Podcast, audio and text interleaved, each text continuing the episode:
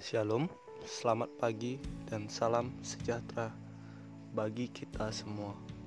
Semoga anugerah dari Tuhan kita, Yesus Kristus, melingkupi hati, pikiran, jiwa, serta roh kita, sehingga kita dapat memulai hari ini dengan penuh semangat dan sukacita, dan kita dapat mengakhiri hari ini pada malam nanti beristirahat dengan penuh kebahagiaan.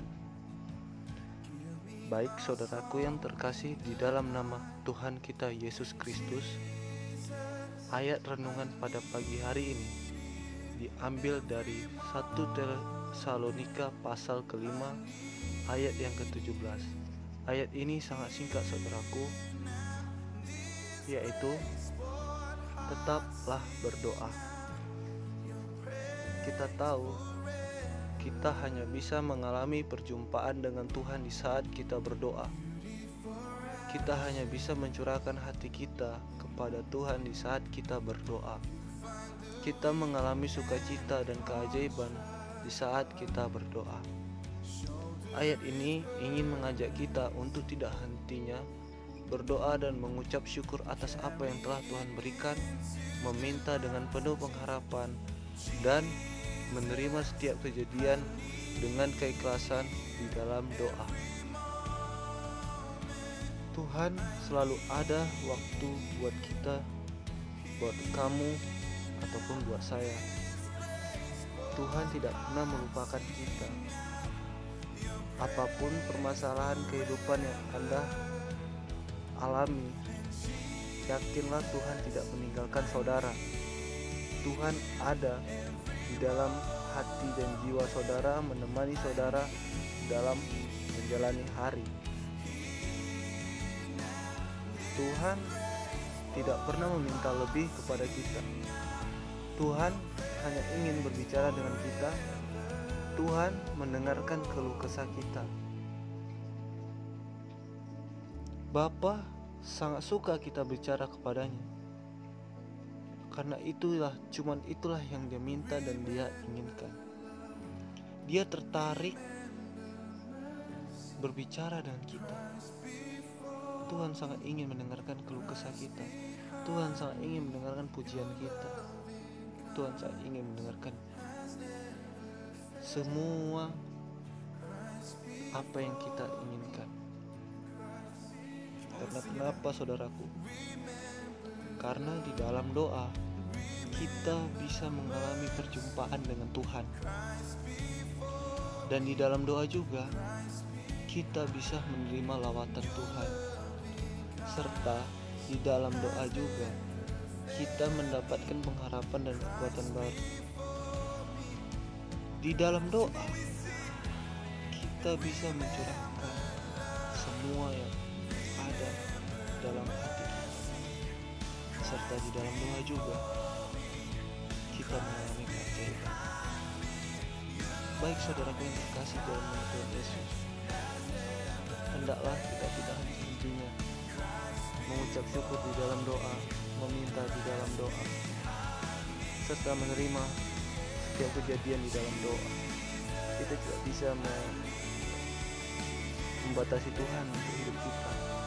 Tuhan tidak meminta lebih kok dengan kita. Dia hanya ingin kamu ada waktu sama saya. Itu saja. Kamu mengingat saya. Itu saja. Kamu datang kepada saya bukan hanya di saat kamu sedih, lu terluka, atau apa pun yang menimpa kamu, atau kemalangan apa pun itu. Tuhan tidak hanya tidak hanya datang pada saat tersebut dan Tuhan tidak hanya mendengar pada saat tersebut. Dalam keadaan apa pun saudara harus terus berdoa. Yakinlah lawatan Tuhan selalu ada di dalam doa. Mintalah walaupun saat ini keinginanmu belum terkabulkan, tetaplah berdoa. Mintalah bila saudara sakit dalam penyakit, penyakit saudara belum disembuhkan, tetaplah berdoa. Mintalah bila saudara mengalami suatu musibah dan saudara merasa saudara sendirian, tetaplah berdoa, maka Tuhan akan menemani saudara. Karena di dalam doa semua keajaiban dapat terjadi dalam kehidupan kita. Lawatan Tuhan ada di dalam hidup kita. Kasih karunia-Nya tercurah di dalam doa kita. Ingatlah, apabila doa saudara tidak terjawab, bukan berarti saudara didiamkan atau Tuhan tidak mendengarkan doa saudara. Melainkan Tuhan tahu apa yang baik buat saudara. Tuhan tahu waktu yang tepat untuk memberikan apa yang saudara inginkan. Sama seperti yang saya katakan di renungan sebelumnya bahwa pertolongan Tuhan tidak pernah terlambat atau kecepatan, melainkan tepat pada waktunya. Bila apa yang saudara doakan belum terwujud, apa keinginan saudara belum terwujud, bukan berarti Tuhan tidak mendengarkannya. Mungkin ada yang telah disediakan Tuhan, kebahagiaan yang Tuhan sediakan khusus buat saudara yang tidak bisa dimiliki oleh orang lain. Jadi saudaraku, apa pun kondisimu, apa pun masalah yang menghadapimu, apa pun beban yang datang kepadamu, tetaplah berdoa.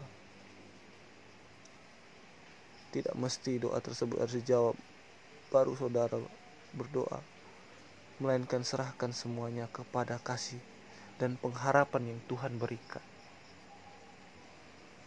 Bahkan di dalam para bahaya pun kita harus berdoa. Ingat Daniel dicampakkan ke lubang singa. Dia merasa tidak ada harapan lain.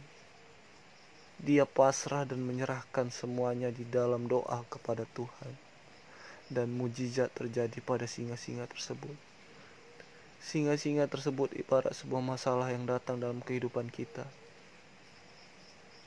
Kita tidak bisa, kadang kita tidak punya kekuatan tenaga dalam menghadapi kehidupan di dunia ini.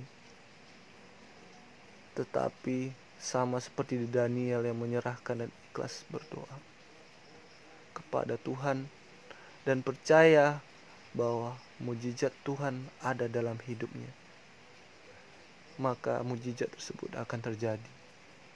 Baik saudaraku yang terkasih di dalam nama Tuhan kita Yesus Kristus. Semoga renungan kita pada pagi hari ini mampu mengajak kita untuk terus dan senantiasa berdoa dalam memulai hari ini dan menutup malam nanti. Semoga Tuhan memberkati pagi kita. Shalom. Tuhan Yesus beserta kita. Haleluya. Amin.